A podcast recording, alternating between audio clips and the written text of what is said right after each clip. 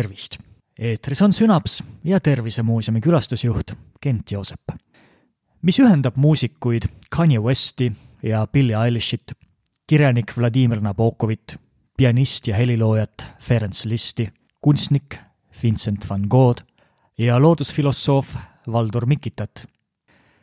üks võimalikest vastustest on võime kogeda sünesteesiat ehk meelte sidestatust ehk mitmiktaju. Sel korral uurimegi pisut, mida see tähendab ja mida see endast kujutab. ühest küljest ongi millegi tajumine enamasti mitme meele koostoimel tekkiv seisund meeleelundid reageerivad organismi välis- või ka sisekeskkonnast saabuvatele signaalidele spetsiaalsete rakkude ehk erinevate retseptoritega ning meie kesknärvisüsteem võtab signaalid vastu ja tõlgendab need. näiteks hoian käes tassi, tunnen, et see on sile, et see on kuum, et see on natuke raske. ma näen tassis kollakat vedelikku ja näen, kuidas see aurab. tunnen magusat meelõhna, mida sinna just sisse segasin. võtan lonksu, tunnen pärnaõietee maitset, no umbes nii. teisalt võivad meelelised aistingud mõnel juhul keskmisest veelgi enam seguneda ja üksteist ka võimendada.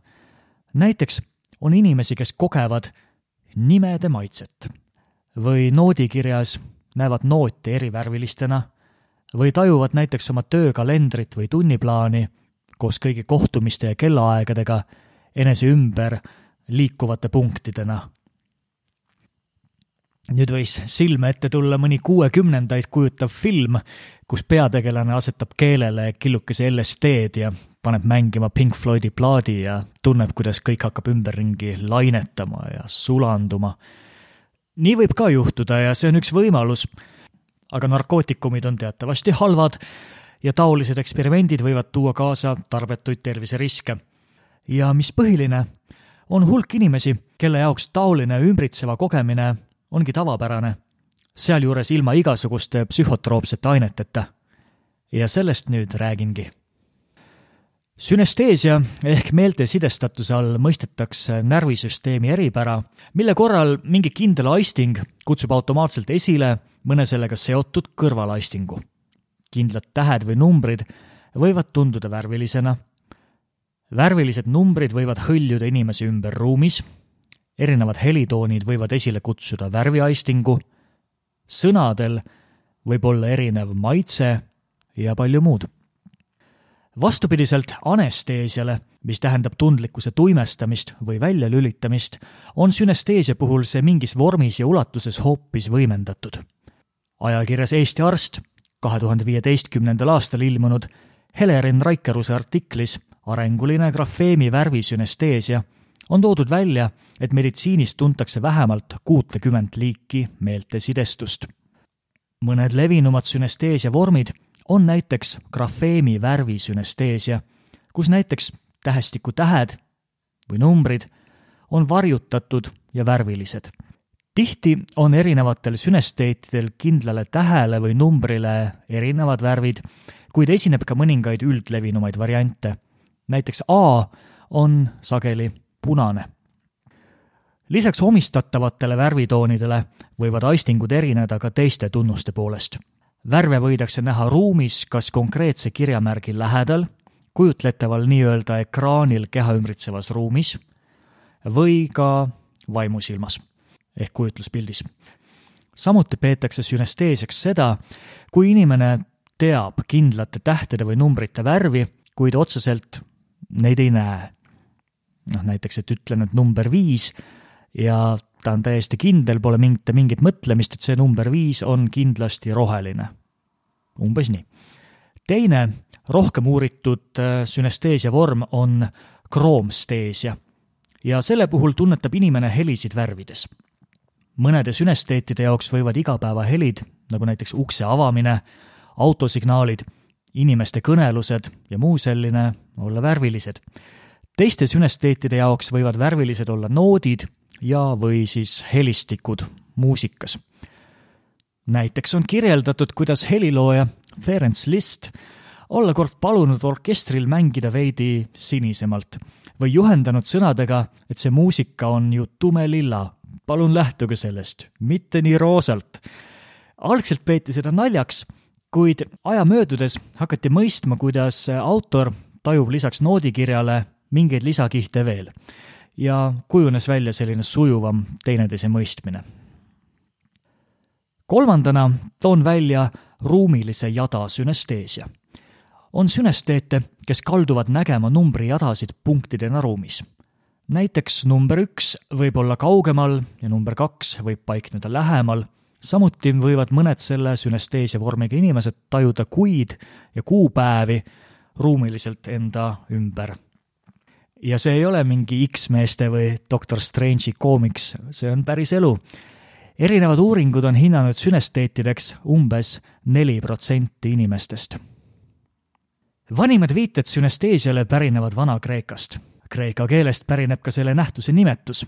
sünn, mis tähendab koos, ja aisteesis, mis tähendab aistingut või tunnet esimene teaduslikult kinnitatud ja uuritud ning seetõttu ka üks tuntuimaid sünesteesia juhtumeid pärineb tuhande kaheksasaja kaheteistkümnendast aastast, kui kirjeldati Austria-Saksa päritolu teadlase Georg Tobias Ludwig Saksi juhtumit. Saks kirjeldas oma aistinguid trükisõnas.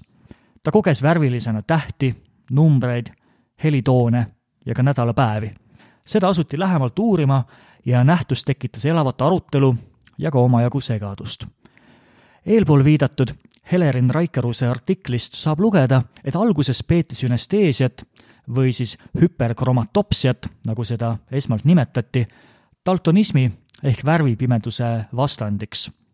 hiljem mõtestati ja sõnastati see kui üheaegsete muljete seadus. nähtuse tekkepõhjus arvati algselt peituvat silmas. paljud sellega ei nõustunud ja mida aeg edasi, seda enam hakati põhjust otsima siiski ajust arutleti meeltesidestuse sarnasuse üle hallutsinatsioonide ja illusioonidega. tänapäeval kõrvalaistinguid enam hallutsinatsioonideks ei peeta, sest neid kutsuvad esile kindlad stiimulid ning inimene on teadlik, et need kogemused ei vasta jagatud reaalsusele. see tähendab, et teised ei koge samu asju samal viisil. üheksateistkümnenda sajandi lõpus arvati nähtuse võimalikeks põhjusteks õpitud seoseid anatoomilisi ühendusi erinevate funktsioonide eest vastutavate ajupiirkondade vahel ning ka atavistlikke teooriaid. atavism ehk kõukumus on evolutsiooni bioloogiline nähtus, mis uurib kaugete esivanemate või eellaste kadunud tunnuste ilmnemist. kuna objektiivseid uurimismeetodeid polnud sel ajal piisavalt, hakati kahekümnenda sajandi alguses sünesteesia uurimist pidama ka pseudoteaduseks seda ei võetud tõsiselt ja kaheldi, kas see üldse olemas on. tuli ette valediagnoose, näiteks võidi öelda inimesele, et teil on hoopis psühhoos ja püüti seda kuidagi välja ravida. läbimurre toimus alles mõnikümmend aastat tagasi ja seda seoses psühholoogiliste testide ning ajuuuringute ja kuvamismeetodite arenguga. päris lõpuni sünesteesiat veel ei mõisteta kuid tänapäeval arvatakse, et meeltesidestuslikud kogemused tulenevad kas siis anatoomilisest või füsioloogilisest hüpersidestatusest ehk vastavate eri ajupiirkondade koosmõjust. näiteks grafeemi värvisünesteesia puhul aktiveeruvad koos grafeeme ehk kirjamärke töötlev ning värviala selle hüpoteesi kohaselt on lähestikku asuva grafeeme töötleva ala ja värviala vahel otsesed ühendused aga ilmselt on see seisundi tekkepõhjustest vaid osa. nagu on viidatud meile nüüdseks juba tuttavas ajakirja Eesti Arst artiklis Arenguline grafeemi värvisünesteesia, mida soovitan kõigil ka lugeda, siis äh, tsiteerin, arvatakse, kõigil vastsündinutel esineb meeltesidestatust. miks aga osal inimestel jääb hüpersidestatus püsima, ei teata oletatakse, et tegemist on mitmete eri geenide koosmõjul avalduva nähtusega mille geneetiline tekkemehhanism on mitmekesine. tsitaadi lõpp. kui sünesteesia kogemused ei häiri igapäevast toimetulekut, peetakse seda inimese normaalseks iseärasuseks. näiteks nagu mõnel on värvipimedus või mõnel on punased juuksed. kuidas sünesteesia inimest mõjutab? on sellest kasu, on sellest kahju eelistena on toodud välja mõningast võimalikku kasu mälule ja loovusele. üldisemalt on grafeemi värvi meeltesidestatuse korral täheldatud paremat sooritusvõimet sõnade ja märgijadade meeldejätmisel. samas võib sünesteesia olla mälestuste tekkel ka takistuseks. seda juhul, kui meeldejäätavate sümbolite trükivärvid ei kattu meeltesidestusliku kogemusega. siis võib mälu vormumist takistada kas nõrgem seostatavus või õpimotivatsiooni puudus selle ebameeldiva vastuolu pärast kõrvalastingutega võib kaasneda nii positiivne kui ka negatiivne emotsionaalne vastus, vastavalt sellele, kas grafeemi värv siis kattub sünesteetilise värviga või mitte. veel arvatakse, et grafeemi värvi kõrvaltajujad kogevad keskmisest elavamalt visuaalset kujutlusvõimet ning neil on suurem loovus. see võib soodustada erinevate ajuühenduste teket ning seeläbi ka uudseid ideid on ju uudsete lahendusteni jõudmisel olulised nii tajuerinevused kui ka subjektiivsed kogemused. ootamatu vaatenurga alt võib tekkida värskeid ja viljakaid ideid, kuid kuna loovust on keeruline defineerida ja keeruline mõõta, leidub ka selles küsimuses vastakaid hinnanguid. psühholoogiliste testide abil on näidatud, et meeltesidestatuse korral mõtlevad katsealused küll loovamalt, kuid samas ei pruugi nad alati osata neid mõtteid loovalt väljendada. nii et ilmselt on inimesi, kes suudavad selle taju eripära enda kasuks tööle panna ja kelle elu see rikastab.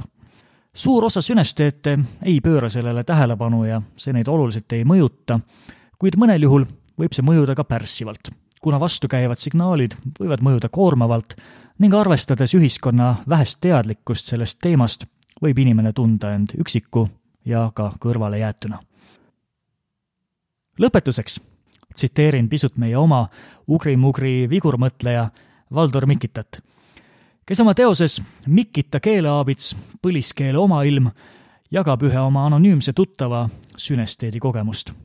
tsiteerin. mäletan oma kimbatust, kui kasvataja kinnitas tahvlile suured värvilised tähed ja numbrid. häda oli selles, et neist ainult kaks olid õiget värvi. K oli kollane ja number neli oranž kuna õppisime lugemist ja arvutamist just nende värvide järgi, siis ei läinud see mul kuigi edukalt.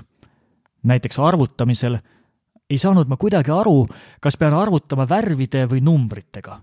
minu jaoks oli värvide kaudu arvutamine palju lihtsam ja loomulikum. raamatuid oli just sellepärast raske lugeda, et kõik tähed olid ühtviisi musta värvi. tsitaadi lõpp. Vahemärkusena näide ka vastavast teadusuuringust kahe tuhande kolmeteistkümnendal aastal viidi Nevada ülikoolis läbi katsed vabatahtlike sünesteetidega, kel paluti lahendada matemaatika ülesandeid, kus osa arve oli asendatud värvidega. näiteks tuli neil öelda, et kas väide neli pluss valge võrdub viis on õige või vale. värvide ja arvude seosed olid igaühe jaoks eelnevalt kokku lepitud. Sellistena, nagu nad neile ka juba loomuomased olid. ja mis selgus selgus, et katseisikule ei olnud mingit vahet, kas ülesanded olid esitatud arvude, värvide või nende kombinatsioonide kujul. igal juhul lahendasid nad neid sama kiiresti ja sama täpselt. nii, aga nüüd tõesti lõpetuseks veel mõned näited Valdur Mikita raamatust. tsiteerin, millegi söömisel või joomisel tekib lõhna ja maitse liitumisel oma värvikombinatsioon. näiteks brokoli maitse on kollakas emotsioonidel ja füüsilisel valul on samuti kindlad värvid. kui näiteks jalg ära sureb, siis näen oma jalga heleoranžina, mille peal on pruunid väikesed triibud. ebameeldivad tunded ja valuaistingud kipuvad olema kas oranži või punaka tooniga.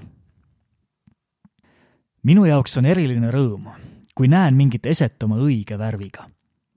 igal asjal on minu jaoks oma värv, mis tuleneb sõna esitähe värvist õiged kombinatsioonid on näiteks kollane kampsun, rohelised püksid, punane auto, oranž vest ja valge jäätis. sel puhul valdab mind eriline heaolutunne. tsitaadi lõpp selleks korraks kõik. kuula Sünapsi tulevasi ja varasemaid osasid ikka Tervisemuuseumi kodulehel, Simplecastis, Spotify's, Google'i ja Apple podcasti keskkondades. uurimist toimub ka muuseumi sotsiaalmeedias. Facebook, Instagram ja Youtube on alati avatud ja mis veel parem, tule kohale, tule muuseumisse. Kuulmiseni ja kohtumiseni Tervisemuuseumis